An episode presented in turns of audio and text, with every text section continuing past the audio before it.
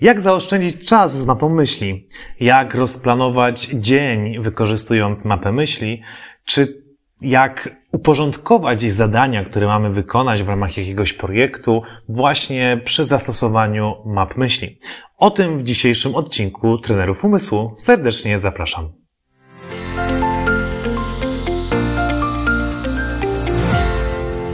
Cześć, nazywam się Bartłomiej Boral i wraz z moim bratem Tobiaszem jesteśmy pierwszymi w historii reprezentantami Polski na Mistrzostwach Świata Pamięci z Guangzhou z Chin, autorami książki Techniki Zapamiętywania yy, i założycielami szkoły Best Brain Nowy Wymiar Edukacji. Na tym kanale, jak i w naszej szkole uczymy tego, jak szybciej się uczyć, jak efektywniej myśleć, łatwiej zapamiętywać i poprawić jakość swojego myślenia, a tym samym jakość e, swojego życia.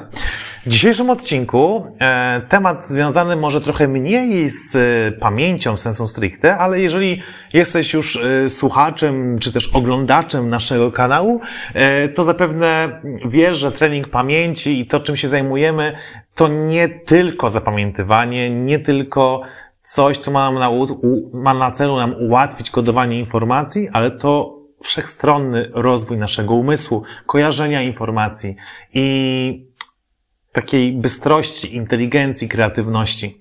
E, I dzisiejszy temat właśnie trochę tak jest. Jest taki z pogranicza efektywności działania, e, takiej inteligencji i kreatywności e, wykonywania działań, planowania itd., tak itd. Jeżeli nie wiesz, co to jest mapa myśli, e, albo wiesz, ale ci się nie podoba e, ta metoda, to zachęcam cię do obejrzenia naszego odcinku, jak wykonać mapę myśli. E, tam krok po kroku, w bardzo prostej i mam nadzieję przystępnej formie tłumaczymy, jak tworzyć mapę myśli, bo wiele osób tworzy mapę myśli w taki sposób, że ona jest po prostu stworzona niepoprawnie. Nawet e, spotykamy się ze szkołami rozwoju umysłowego e, albo ofertą jakiegoś szkolenia z map myśli, e, gdzie są mapy myśli błędne. To aż szkole w oczy, e, jeżeli e, zna się e, na tym temacie.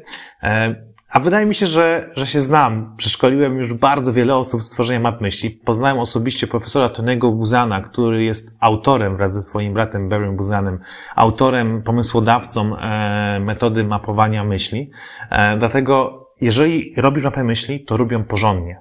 Używaj kolorów, obrazków, pojedynczych słów nad gąskami e, i staraj się zachować te wszystkie zasady, o których mówimy w tym filmiku w tym nagraniu, odcinku o tym, jak tworzyć mapę myśli.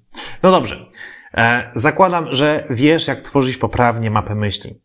E, to może sobie myślisz tak, no dobrze, mapa myśli, mapa myśli, służy do uczenia się, można łatwiej coś zapamiętać, ale do planowania? No właśnie tak. Wyobraź sobie, że jest taka firma na Bliskim Wschodzie, gdzie całkowicie e, zmieniono sposób komunikacji na mapy myśli. Czyli tam notatki ze spotkań są robione w formie map myśli, e, projekty są zarządzane mapą myśli, cała komunikacja między pracownikami, szefostwem, mailingi jest w formie map myśli.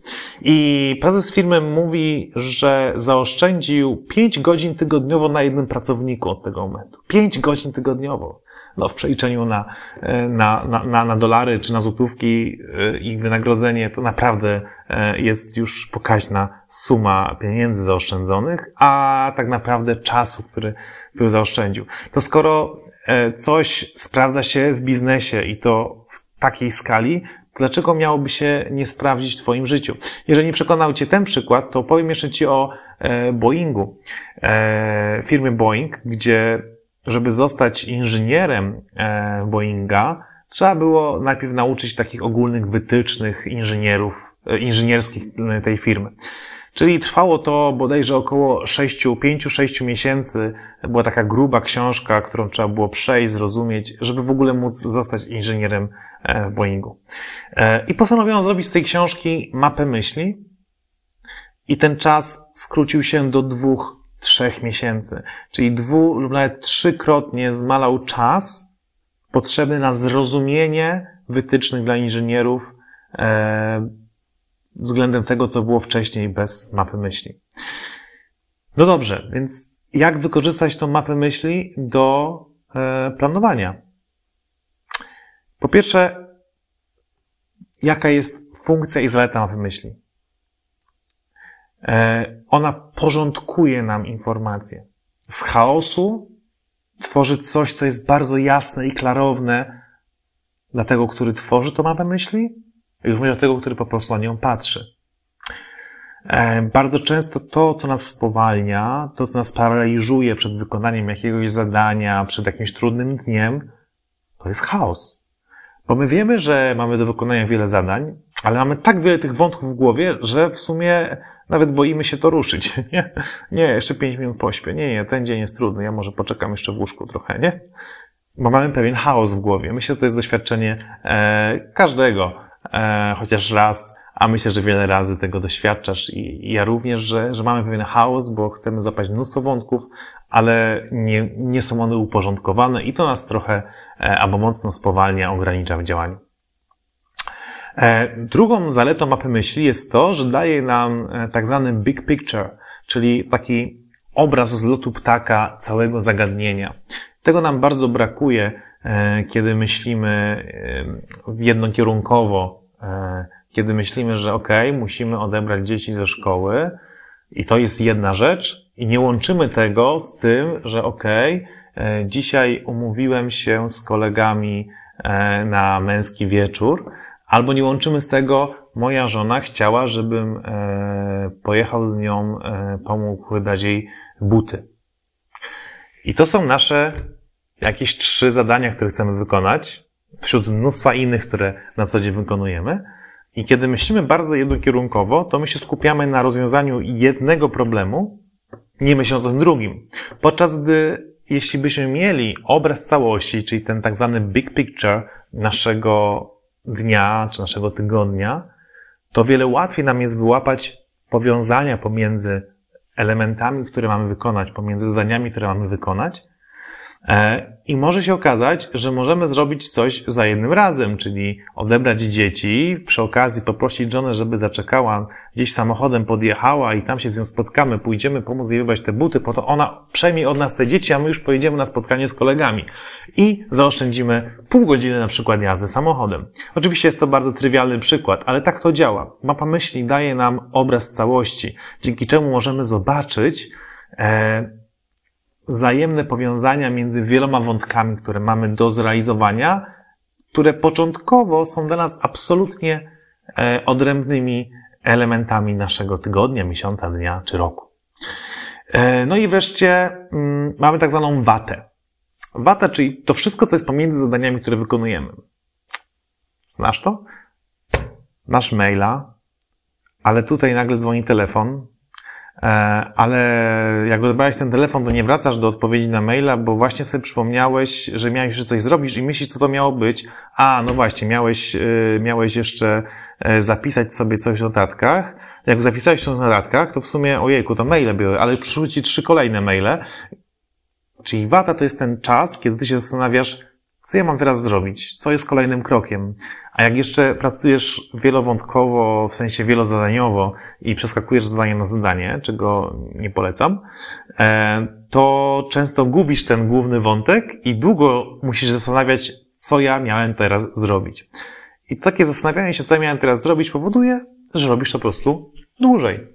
A kiedy miałbyś to fajnie rozpisane za pomocą mapy myśli, jesteś w stanie bardzo precyzyjnie i konkretnie przechodzić z zadania do zadania. E, I tego właśnie uczymy chociażby podczas szkoleń, które prowadzimy dla różnych firm e, z zakresu kreatywności, generowania pomysłów, gdzie mówimy też o zarządzaniu, o mapowaniu burzy mózgów itd., tak itd. Tak I dzisiaj chciałbym Ci pokazać trzy podejścia do planowania. Pierwsze z nich e, to jest plan dnia. Jeżeli słuchasz tego odcinka jako podcastu, to liczę na Twoją wyobraźnię. Jeżeli oglądasz E, to na jakimś kanale, gdzie jest wizja, to e, ten obraz e, takiej mapy myśli, planowania dnia możesz w tej chwili zobaczyć. To jest bardzo prosty początek takiej mapy myśli, czyli na środku piszemy tam dzień, poniedziałek, 20, tam nie wiem, 5 stycznia, czy whatever, i piszesz sobie rano, do południa, popołudnia, po południu wieczór, czyli robisz cztery gałęzie i rozpisujesz sobie, co chcesz zrobić rano, ciach, ciach, ciach, po południu, ciach, do południa, wieczorem. Szybko, proste, pojedyncze słowa i masz fajny plan dnia. Dlaczego to jest lepsze od listy? Bo listę musisz przeglądać tak. To nie jest naturalny sposób myślenia twojej głowy. Masz też obraz całości. Widzisz wszystkie wątki, które masz zrobić i wzajemne powiązania między innymi jest łatwiej tobie znaleźć. Możesz narysować takie przerywane linie, tak zwane linie relacji, łączące wątki, które chciałeś zrobić po południu i do południa, że można je połączyć, a mają coś ze sobą wspólnego i wtedy możesz wpaść na pomysł, jak to e, efektywniej, może szybciej albo lepiej wykonać. Drugi przykład, e, jak możesz e, podejść do planowania z mapą myśli, to jest planowanie poprzez cele, które chcesz zrealizować. Czyli e, rozpisujesz sobie na przykład cele na mm, rok 2000, któryś tam. E, nie wiem, kiedy oglądasz e, ten odcinek, więc nie, nie będę do, do, dokań, dokańczał, dokańczał tej wartości. Mogą to być cele na najbliższy miesiąc. Może to być cele na czasu studiów, albo cele, jakby ten czas jest do określenia, ważne, żeby go określić na środku i piszesz na przykład e, na języki hiszpański B2. E, drugi cel od języków angielski C1. Potem ciach pamięć od tego gałązka e, polepszyć. I tak dalej, i tak dalej. Rozpisujesz sobie te cele i potem zaczynasz rozmyślać, co ja mam zrobić, żeby te cele zrealizować? I dopisujesz. No okej, okay, jak masz naukę hiszpańskiego na B2, to może trzeba słówka, nauczyć się słówek, tak? Nie wiem, wakacje, Hiszpania, znak zapytania. Wpadasz na pomysł, że może zaplanować jakiś wyjazd do Hiszpanii, żeby osłuchać się tego języka. Pamięć lepsza od tego bez brain, tak? Zapisać się na kurs bez brain, poprawić tą swoją pamięć i tak dalej, i tak dalej poświęcasz na taką mapę w zależności od tego, ile tam tych celów sobie wyznaczysz godzinę, pół godziny, 15 minut, cały dzień i rozpisujesz sobie wszystko, co masz w głowie, co jest potrzebne do zrealizowania tego celu. I co w efekcie otrzymujesz? Otrzymujesz plan działania. Bo ty wiesz, żeby nauczyć się języka hiszpańskiego na B2, to musisz najpierw pomyśleć na przykład o szkole, czyli musisz wybrać dobrą szkołę językową, albo pomyśleć o wyjeździe do wakacji, może warto zarezerwować coś first minute. I tak dalej, i tak dalej.